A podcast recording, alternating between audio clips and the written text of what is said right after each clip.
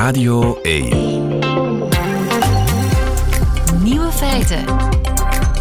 Met Koen Filet. Dit is de podcast van Nieuwe Feiten van maandag 28 maart. De dag waarop het nieuws was toch dat u niet blij moet zijn als u nog altijd geen COVID heeft gehad, maar ongerust. De beroemde dokter Ma Sang-hyuk, wereldberoemd in Zuid-Korea, beweert dat wie nog niet ziek is geweest, interpersoonlijke problemen heeft. In een samenleving, zegt de dokter, waar zoveel virus aanwezig is, is het quasi onmogelijk om aan een besmetting te ontkomen, tenzij je nooit iemand ontmoet, natuurlijk. U heeft dan interpersoonlijke problemen. Dat is een vriendelijke en een ingewikkelde manier om te zeggen: u heeft geen vrienden.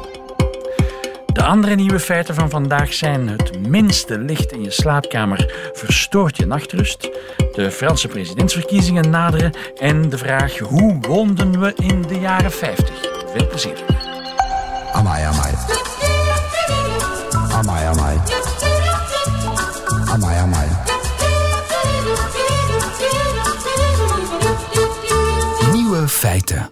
Op het eerste zicht is het niet echt merkwaardig om te zeggen je kan beter slapen in het, in het donker dan in het licht. Maar op het tweede zicht denk je dan toch, ja, maar ja, als ik slaap doe ik mijn ogen dicht. En of er dan licht is of geen licht in mijn slaapkamer, dat maakt niet veel uit. Dat maakt enorm veel uit. Dag Inge de Klerk. Hallo. Dokter de Klerk, neuroloog en slaapexpert aan het UZ Antwerpen.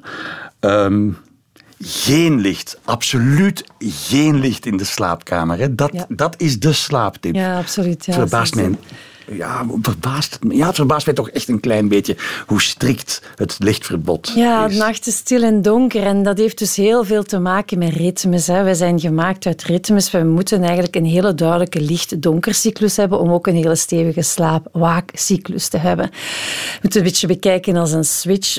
En hoe duidelijker je 's ochtends de switch aanzet, hoe duidelijker dat hem s'nachts aangaat en omgekeerd. Met andere woorden, licht is een hele belangrijke die dat proces regelt voor een kern in ons brein. Die noemt eh, de centrale klok, noem ik die dan. eh, Of de, heel netjes de nucleus suprachiasmaticus.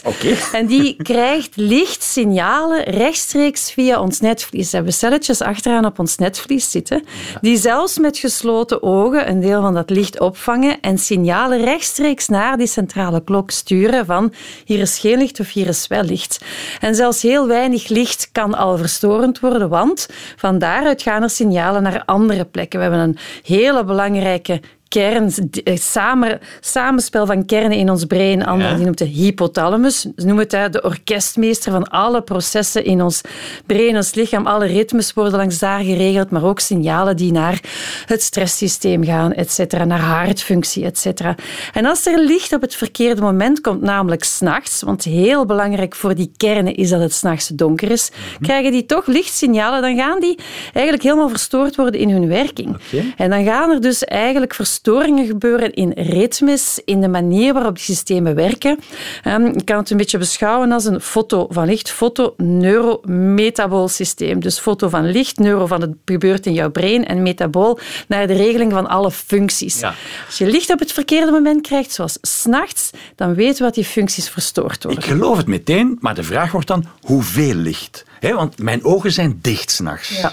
Ja, Eh, er is zelfs onderzoek, maar dat is een beetje statistisch, dat aangetoond heeft dat lichtvervuiling bijvoorbeeld, hè, dus de gebieden waar veel nachtelijk licht is, en dat gaat al boven de rond de 5 lux zelfs al, en dat is dus behoorlijk weinig? weinig.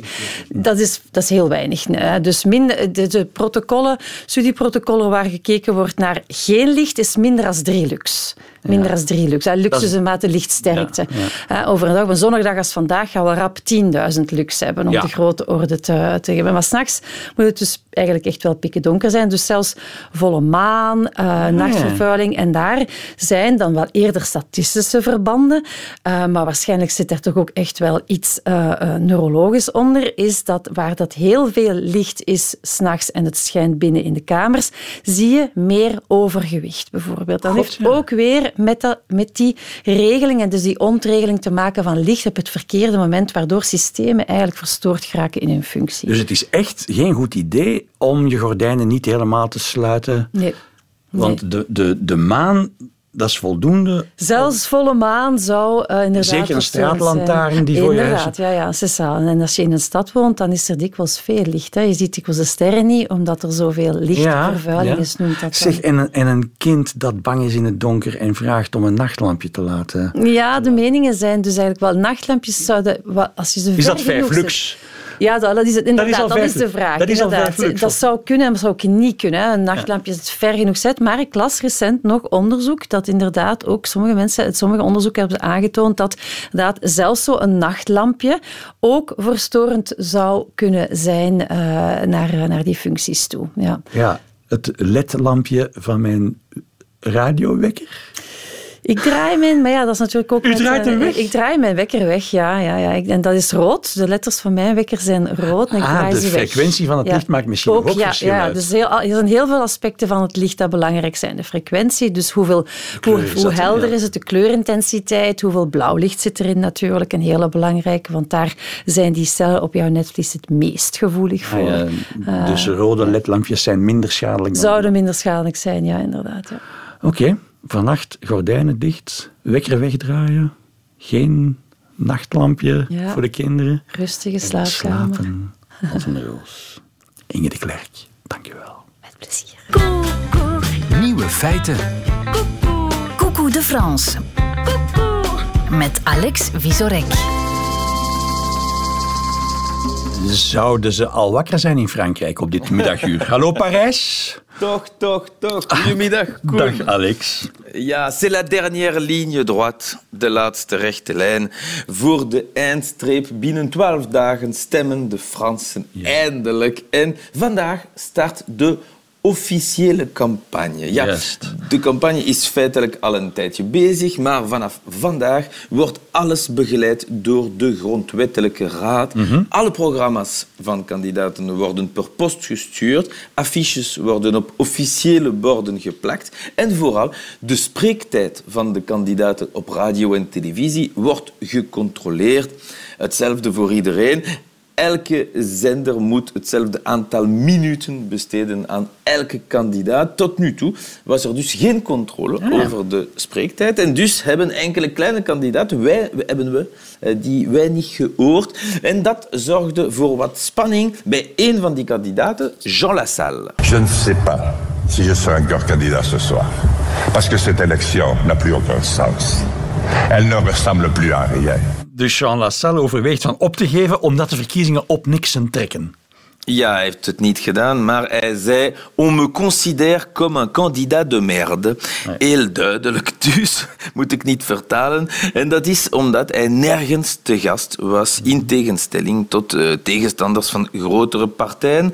Eh, het was een van de bijzondere momenten van deze campagne, die anders tot nu toe niet heel verrassend geweest is, of eh, minder dan verwacht. Behalve misschien voor de grote flops van twee traditionele linkse en rechtse partijen. Bij Le Parti Socialiste is de campagne van Anne Hidalgo nooit op gang gekomen. Ze zou vandaag 1 à 3 procent van de stemmen krijgen. Een absoluut record in de slechtst mogelijke richting. En de rechtse, Valérie Pécresse, na een goede start kwam ze in een slecht daglicht door enkele pijnlijke onthullingen en een catastrofale meeting met een speech die, laten we toch wel positief zijn, een hele goede middel was om vlug in slaap te vallen.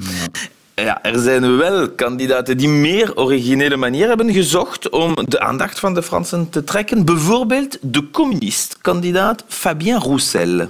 Tous les soirs, à 18h, vous organisez des apéros, vous invitez vos amis, vos voisins, vos parents, pour leur présenter notre programme. Dat was een soort van eh, tip aan, aan zijn, aan zijn, aan zijn eh, supporters. Supporter, ja. Nodig uw vrienden en uw buren en uw familie uit op het aperitief en leg hen mijn programma uit. Ja, hij heeft dat zelfs genoemd Les Apéroussel, met zijn naam erin. of nog een andere kandidaat die campagne voerde dankzij een mini-reeks. In elke aflevering van Le Candidat kan je hem backstage in zijn campagne volgen.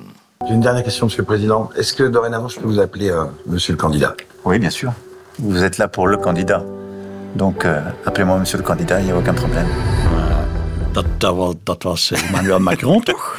Ja, dat is niet uh, zo'n kandidaat. Dat is de president. En dat brengt ons tot de kandidaten die echt een kans maken. En laten we eerlijk zijn, als je peilingen gelooft, is er weinig kans dat Macron niet weer gekozen wordt. Mhm. En dat is ook te danken aan zijn actie in het conflict in Oekraïne. Sinds de Russische aanval is zijn populariteit fors gestegen. In tegenstelling tot extreem rechts Eric Zemmour, die wat worstelde met oudere verklaringen zoals deze. La Russie, je vous donne le, prends le, je prends le pari, n'envahira pas l'Ukraine. Oh, hij dacht dat Rusland uh, Oekraïne niet zou binnenvallen. Ja, il s'est trompé. Vorige week probeerde hij nog uh, voor een klas van kinderen, een van die kinderen uit te leggen dat zijn ouders in Frankrijk gekomen waren om een uitkering te krijgen. Regarde, pourquoi tes parents sont venus en France? Parce que justement, c'est le plus beau parents... pays du monde et c'est le pays le plus généreux du monde. Moi, mes parents, ils sont pas venus en France. Hein. Ah bon? Oui. Et alors Moi, c'est mes arrière-grands-parents et arrière encore. Donc, moi, je suis totalement français. Eh ben oui, moi aussi, comme toi. Ja, dus zijn ouders waren niet naar Frankrijk gekomen, maar zijn over, overgrootouders die waren er al. Dat jongetje zegt, ik ben totaal Frans. Ja, en eigenlijk nog Franser misschien dan Eric Zemmour. In het begin ja, dachten wij dat Marine Le Pen het moeilijk zou hebben met die Zemmour. Veel mensen van haar partij zijn ook naar uh, die van uh, Eric Zemmour vertrokken. En vooral Marion Maréchal Le Pen, de nichtje van Marine. J'ai j'ai avec Marion une histoire particulière parce que je, je l'ai élevée avec ma sœur euh, pendant les premières années de sa vie. Donc euh, évidemment, euh, c'est brutal, c'est violent, c'est difficile pour moi. Ja, en je voelt hoe Marine Le Pen haar plan toch getrokken heeft in deze campagne door te bewijzen dat ze menselijker en fragieler is dan haar hartloze tegenstander. En het werd als de Fransen vandaag eh, stemmen, zou Macron 29% van de stemmen krijgen, gevolgd door Marine Le Pen met bijna 19%. Uh, met nog een uh, moeie voorsprong op de derde kandidaat, Jean-Luc Mélenchon, extreem links, met 13%. En Zemmour en Pécresse met 10%. Maar de Fransen bereiden zich dus hoogstwaarschijnlijk voor op een remake van vijf jaar geleden. Macron tegen Le Pen au second tour. Ook al houden de media de spanning er uh, nu nog in door op te merken dat Jean-Luc Mélenchon blijft stijgen. Mm -hmm. Dus waarom niet? Zou hij iedereen kunnen verrassen? Dat zullen we op 10 april te weten komen. Daarna zal het uh, lang verwachte debat voor de tweede ronde plaatsvinden. En op 24 april wordt de Franse president of president verkozen. En dat gebeurt allemaal tijdens de paasvakantie, ja. Koen. Dus de volgende keer dat wij afspreken, kom ik met de naam van de winnaar of de winnares. Macron, Mélenchon, Marine. De kans is groot ja. dat de naam van de president met een M begint. ja, oké. Okay. Alex, au revoir. Ja. Au revoir. Nieuwe feiten.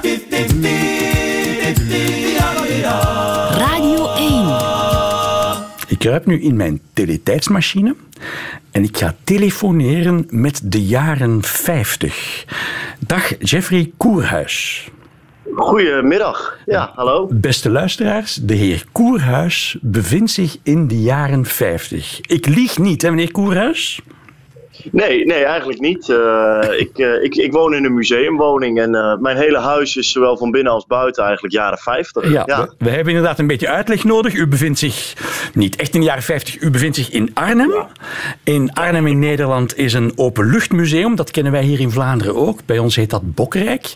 Maar het verschil ja. tussen Arnhem en Bokrijk is dat er in, Bok, in Bokrijk woont niemand.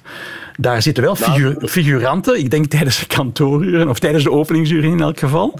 Uh, maar die gaan s'avonds gewoon naar huis. Maar u woont in een museumwoning. Ja, maar het, de museumwoning waar ik in woon staat niet in het Openluchtmuseum. Um, het Openluchtmuseum zit ook in Arnhem, maar in samenwerking met het Openluchtmuseum ja? zijn er tien woningen in gewoon de stad uh, Arnhem teruggebracht naar een bepaalde tijdsperiode. Ja. En ik heb een van die woningen. U, woont, ja. u, u, u, u, leeft dus met het comfort of het gebrek aan comfort van de jaren 50. ja, ja, dat zeker. Ja, ik absoluut. Ben, ik ben zelf geboren in 1972. 63, dus ik heb het ook maar van. Hoe, hoe oud bent u? In welk jaar bent u geboren? Ik ben in uh, 1997, ik ben Oh. 24. Dus de jaren, de jaren 80 zijn al, de jaren 80 zijn al exotisch voor u. Ja, ja, bijna wel, ja. De jaren 50.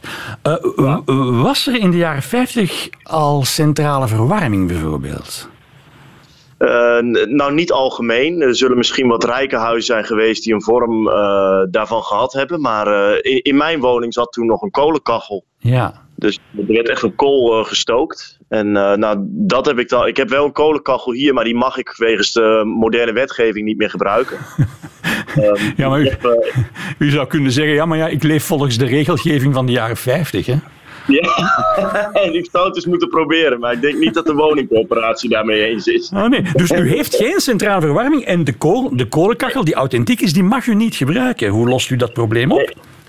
Nou, de, de, de volkshuisvesting, laten we zeggen degene van wie ik dit huis huur, die is verplicht om voor zijn bewoners verwarming te regelen. Ja. Dus die hebben in mijn huis twee elektrische radiatoren geplaatst, maar wel zoals het historisch is, alleen in de woonkamer. Ah ja, dus elektrische Eh, radiatoren uit de jaren huis. 50.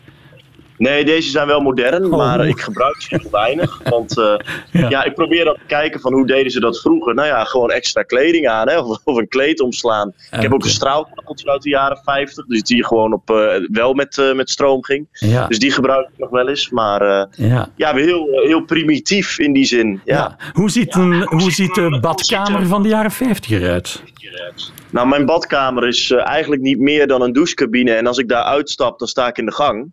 Eh, dus het is letterlijk een kast eigenlijk. Ehm, en het is al heel luxe dat ze een douche hadden in die tijd. En mijn wastafel, waar ik eh, tanden poets of mijn haar doe, eh, die zit gewoon in de keuken. Dat is gewoon de gootsteen in de keuken. Dat is de enige plek waar dat kan. Ja, ja. Eh, ja, ja, het is eh, beetje anders als normaal. Ja, ik geloof het. Als ik eh, thuis in mijn moderne badkamer onder de douche ga staan, begint er meteen een ventilatortje te blazen om de damp, om het, eh, de damp en de vochtigheid weg te halen uit de badkamer. Dat hadden mijn grootouders ook niet, denk ik. Nee, nee eh, hier zit het ook niet. Dus als ik wil douchen, dan eh, moet ik twee ramen openzetten. Eentje in de gang en eentje in de slaapkamer en alle deuren open. Om te zorgen dat het vocht wegtrekt. En zodra ik klaar ben met douchen, dan eh, zo snel mogelijk een badjas aan en een föhn om het behang droog te feunen. Want anders dan valt het behang gewoon letterlijk van de muur af. Oh. ja, dus je gaat automatisch. Want vroeger werd hier bijna niet gedoucht. Alleen de vader douchte in dit gezin, wat hier heeft gewoond. Ja. Ehm, en de rest die waste zich in een tel, eh, of bij de gootsteen of voor de kachel. Doet u dat? Eh, en dat was het. Ja. Ja. Ik herinner mij ook van bij mijn groot, grootouders, als we daar naar de wc moesten. Dan, dan moesten we naar buiten. Ze woonden in de stad. Het is niet dat, dat er een, eh, een, een hokje in de tuin stond, maar de- we moesten naar de koer. Zo heette dat ook in Vlaanderen. Naar de koer gaan. Ik weet niet of jullie dat in Nederland ook zo zeggen. Nee, nee dat, dat ken ik niet. Eh, nee, eh, nee dat, ik vind het wel grappig om te horen, omdat mijn achternaam ook het woord koer bevat. Juist. Maar ik hoop niet dat het anders van afkomt. Ja. Maar is, er- is, er, is er wc binnen in huis of moet u ook naar buiten? Nee, nee dit, eh, deze woningen zijn gebouwd in de jaren 50. Ja. Dus dit huis is echt in 51 opgeleverd. En toen was het al wel zo dat ze vanuit hygiënisch oogpunt zeiden van eh, er zit een toilet binnen en dus een douche die erin werd gezet. Ja. Eh, maar bij boerderijen had je vroeger inderdaad nog wel echt eh, buiten het toilet. Ja. Wasmachine, koelkast, stofzuiger. Hoe zit dat in elkaar? Strijkplank? Wat, hoe doet u dat? Eh, stofzuiger heb ik wel. Eentje uit 57 die ik nog echt gebruik. Eh, Koelkast heb ik niet. Eh, ik heb ook geen wasmachine. Ik doe echt nog de was met eh, twee tijlen en zo'n wasbord met van die ribbels. Ma, echt zo'n zinke ding. Zo. Oh. En lukt dat een beetje? Krijgt u uw onderbroekjes proper? Ja, ja, ja zeker. Ja, alles, moet, eh, alles moet gewassen worden. Dus de handdoeken, de kleding, ondergoed. eh, ja, alles. eh, En geen alles koelkast. Geen, koelka- koel- geen koelkast, dat is voor een moderne mens eigenlijk ook ondenkbaar. Van hoe overleef ik zonder koelkast? Ja, ik heb dan het geluk dat ik echt op, op, op 200 meter lopen zit van twee supermarkten. Ja. Dus dat is al heel erg. Maar, en voor de rest, ja, net als vroeger, alles in de kelder. En eh, per dag eigenlijk, eh, vroeger kwam natuurlijk een bakker aan de deur en een melkboer. Ik weet niet of dat in België ook zo was. Ja hoor, ja, ja, ja zeker wel. In Nederland was dat gebruikelijk. Dus ja, dan had je elke dag vers eten. Nou, nu moet ik dat dan doen door naar de supermarkt te lopen. Maar je gaat wel heel erg waarderen in welke luxe je eigenlijk bent opgegroeid. En, eh, en in welke luxe je, of welke je kunt hebben. Wordt u, En dat is een van de redenen waarom ik het op deze manier doe. Gewoon om dat te ervaren. Ja. wordt u royaal betaald voor deze miserie? Was het maar zo. Nee, ehm, ik weet ook niet hoe dat in België zit, maar in Nederland is de, de woningnood best wel hoog. Ja. Dus ehm, ik heb hier een, een woning voor een hele lage huur. En dat, dat is eigenlijk de, de compromis die daar tegenover staat. U bent al lang blij dat u daar mag wonen. Ja, ik ben al heel blij dat ik een huisje heb. Ik was al Ja. jaren op. En eh, nu heb ik eindelijk een huis. En ik als eh, geschiedenisfanaat vind het heerlijk om dan zo te leven. en eh, in het uit de jaren 50. Dus voor mij is dit het meest ideale. Eén Ja. één puntje, één puntje van kritiek toch wel. We bellen nu op WhatsApp. Dat vind ik Ja, eh, ja. weinig eh, jaren 50-achtig. Ja, maar ja, ik krijg mijn vrienden niet zo ver om WhatsApp in te regelen en weer brieven te gaan sturen. Dus eh je moet hier en daar een grens trekken. Dat ja, zien we ja. door de vingers. Ehm, op zondag is uw huis, is het open deur hè? in uw huis in, in Arnhem en moet, eh, kan het publiek binnen. Eventueel ook Belgen. Eh, el- ja, zeker. Elke laatste zondag van de maand. Eh, en op www.museumwoningenarnhem.nl staan precies de openstellingsdagen en de tijden. Oké, Jeffrey Koerhuis, doe de groeten aan de jaren 50. Dag. Ga je. Dankjewel. Hoi, hoi.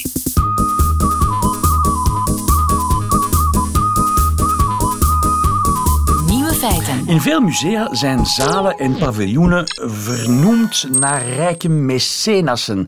En vaak, of af en toe, kom je de naam Sackler tegen. Dat is zo in eh, het Tate Museum in, in Londen, Metropolitan in New York, in het Louvre in Parijs en ook in het British Museum.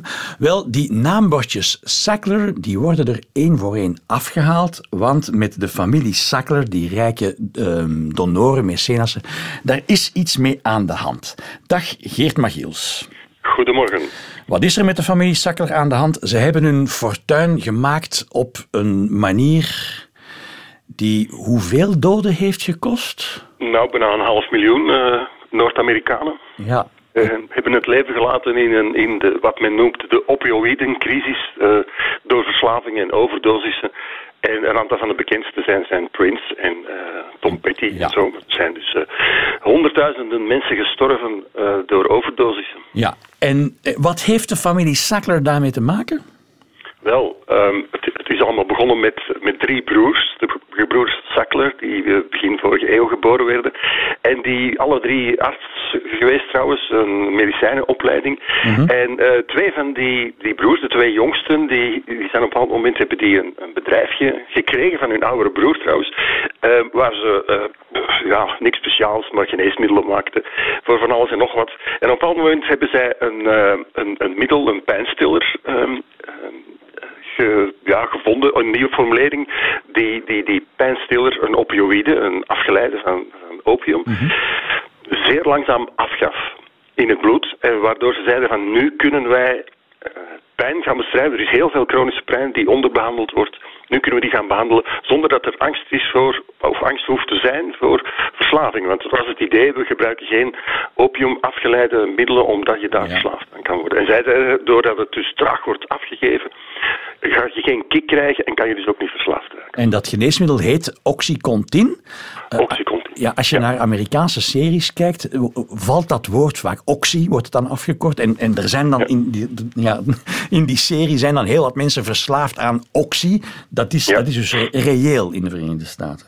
Ja, dat is, dat is eh, verschrikkelijk eh, reëel. Er zijn, er zijn, ja, heb het net al genoemd, verschrikkelijk Ja. genoeg. En dan dus al die andere, de familieleden, de omstaanders, eh, die, die daar evenzeer onder geleden hebben. Want er zijn mensen die gewoon ja, hun, hun, hun werk kwijtraakten, die gescheiden raakten, families die van de regen in de drup komen.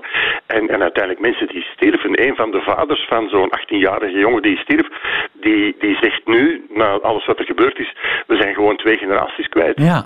Ondanks het, de claim dat Oxycontin niet ver- verslavend zou zijn. Dat was, dat Ja. was ook de reclameboodschap van, eh, van het bedrijf. Ja, absoluut. Hier heb je nu een pijnstiller die je gewoon rustig kan blijven nemen. Begin hier ineens mee en dan eh, ben je van de pijn vanaf. En dat was, eh, ja, dat is een van de trucken die de, die de Sacklers, die achter die, het bedrijf zaten, Purdue Pharmaceuticals, eh, voortdurend gebruikten en waar ze eh, nog schijnen in te geloven. Ze dachten echt dat ze een goede zaak aan het doen waren voor, voor al die patiënten met onbehandelde pijnen. Eh, het, het enige punt was dat ze dat er door hadden gesleept bij de registratiecommissies van de overheid op basis van onbestaande feiten of op basis van hun bewering dat dat zo was, terwijl er absoluut geen goed onderzoek eh naar gedaan was. Dus de FDA, de Food and Drug Administration, heeft oxycontine goedgekeurd. En de artsen gingen erin mee. En massaal veel Amerikanen kregen dus dat middel voorgeschreven. Maar geraakten eraan verslaafd. Zo is het, ja. En het punt is nu dat die Sackler-familie, die, achter, die dat bedrijf bezat en die ook in de raad van bestuur zaten, dat die hun naam nooit aan dat product verbonden is geweest. Dat hebben ze ook bewust zo gedaan. Zij waren, de Sacklers waren de filantropen. Zij waren degene die al die bibliotheken, die musea, die fantastische kunstcollecties, waar ze ook trouwens zelf kunst verzamelden en die dan cadeau gaven aan musea. Uh, maar ook onderzoeksinstellingen en, en heeldere vleugels en bibliotheken op universiteiten. Van de grootste tot de kleinste. En die financierden zij mee. Ze gaven daar ruim geld. Maar in ruil voor het feit dat de naam Sackler op de muur kwam te staan. Maar met, het, met die producten en met die hele opioïdecrisis, daar hadden zij niks mee te maken. Daar, je, je, je zag nooit het woord Sackler, de naam van de familie, verschijnen in verband met die geneesmiddelen of die problemen die daarmee ontstaan waren. Maar er kwam een soort van burgerbeweging uh, op gang, heel veel protest en op de duur ook uh, rechtszaken, die ze ja, één na één aan het verliezen zijn. Hè? Of ze ja, moeten... geen, geen klein beetje rechtszaken. Het gaat over duizenden rechtszaken en ja. de, de, de Sacklers die hadden, die hadden tientallen advocaten in eigen dienst en, en topmensen, maar die hadden ook advocatenkantoren, lobbykantoren, PR-kantoren, uh, de grote banken, McKinsey, JP Morgan, dat waren allemaal adviseurs van, van, uh, mm -hmm. van, van de Sacklers. Mm -hmm. En niet, ja, niet zo verwonderlijk natuurlijk, want dat, dat product dat draaide een, een, een, miljard dollars omzet per jaar. Dat was, dat was een gigantische geldmachine, die op zich niet zoveel kostte om die op gang te houden, maar waar zij ontzettend veel geld aan verdienden. En de familie Sackler die leidde ondertussen een leven, ondertussen zijn we aan de vierde generatie toe, die leidden natuurlijk een leven in, in uiterste uh, rijkdom. Die kochten uh, ja, uh, ja, villas op, op tropische eilanden. Die, dus ze kochten heel het eiland met een villa ja. erop.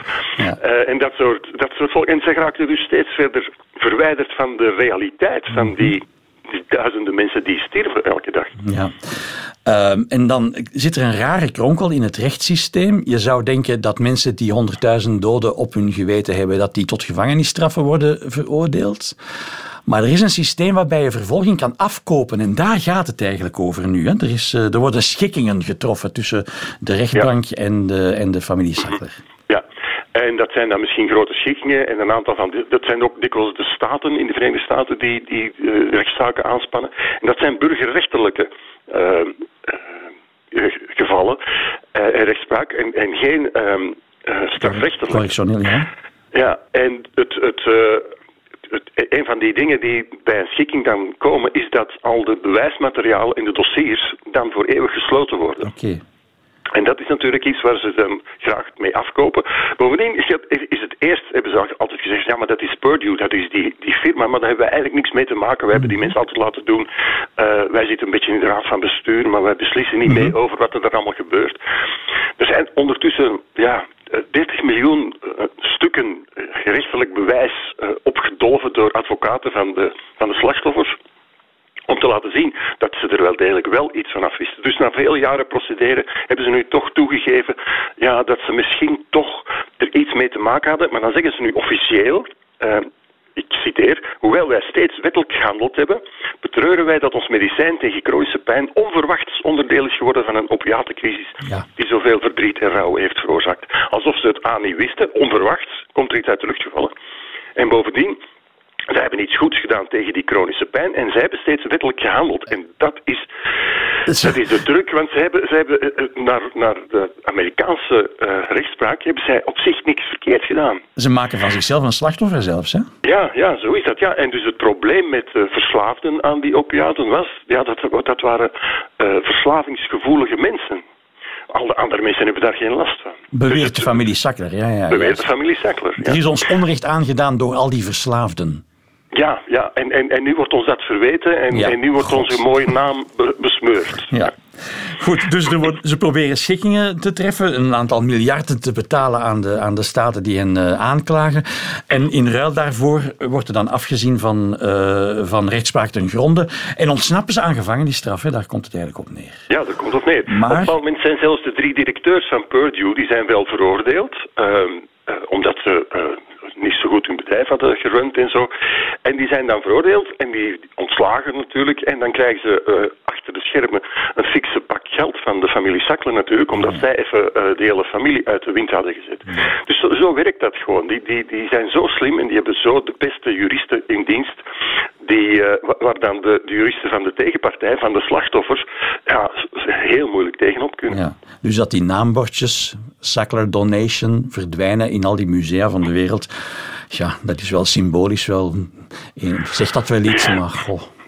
Ja, zo kan je het bekijken natuurlijk, maar het, het, het, wil ook wel zeggen, omdat het een na het andere museum en, en universiteit die namen weghaalt. Sommigen kunnen het nog altijd niet, want ze zitten met eeuwigheidsclausules.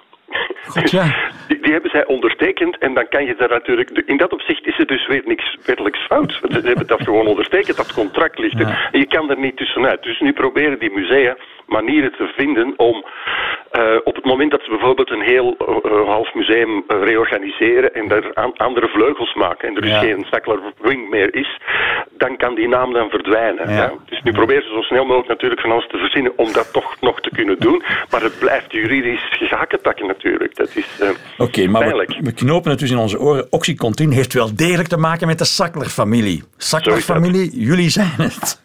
Ja. Goed. Geert Magiels, dankjewel voor de uitleg. Graag gedaan. Nieuwe feiten. Dat waren de nieuwe feiten van maandag 28 maart.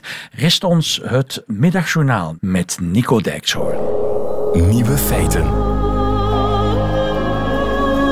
Middagjournaal.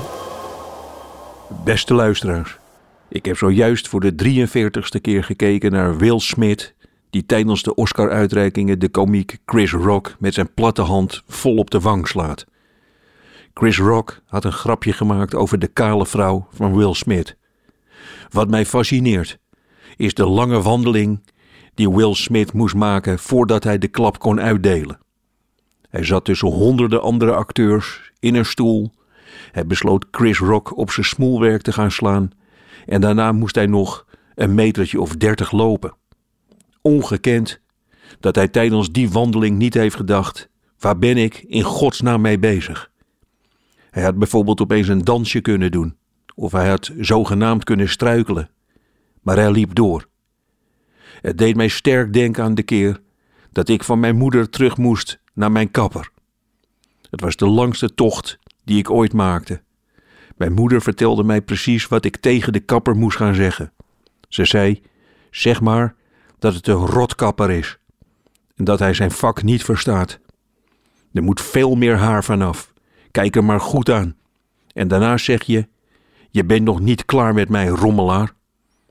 Luisteraars, ik heb het allemaal niet gezegd, omdat ik bijna een kwartier lang moest fietsen naar de kapper. De woede waaide na een kilometer al vanzelf uit mijn hoofd. Die klap van Will Smith die ziet eruit als iets waar je thuis honderd keer op hebt staan oefenen. Nog nooit in mijn leven heb ik iemand geslagen of zal ik iemand slaan. Maar als ze me dwingen, dan maar op de manier van Will Smith. De benen iets wijd en dan met de vlakke hand op de wang slaan, zodat je de klets hoort. En daarna teruglopen zoals mensen in films lopen. Er werd door Will Smith nog een oude wond opengereten. Hij nam het op voor zijn vrouw, die door een ziekte besloot zich voortaan kaal te scheren. Niemand heeft het ooit voor mij opgenomen toen ik opeens begon te veranderen in een kaal kaasboertje. Slaan, dat had natuurlijk niet gehoeven. Maar het zou heel fijn zijn geweest als ik ooit een vriend had gehad die in die tijd tegen mensen in de kroeg zou hebben gezegd: Nu is het genoeg. Geen woord meer over de kaalheid van Nico. Niet meer aan zijn kale plek voelen. Genoeg is genoeg. De klap van Will Smith zet mijn hele maandag op zijn kop. Ik wilde voor het eerst zelf een kip marineren. Eindelijk eens een keer leren hoe je met een aansteker een flesje bier openmaakt. En de vaatwasser zo indelen dat Tanja het niet allemaal nog een keer opnieuw moet doen. Maar het loopt anders. Luisteraars, ik moet nu de hele middag op internet gaan lezen hoe hypocriete twitteraars met namen als Schele Aap 473 893 Wil Smit achter de tralies willen zetten want op social media blijft iedereen altijd jarenlang kwaad op iedereen.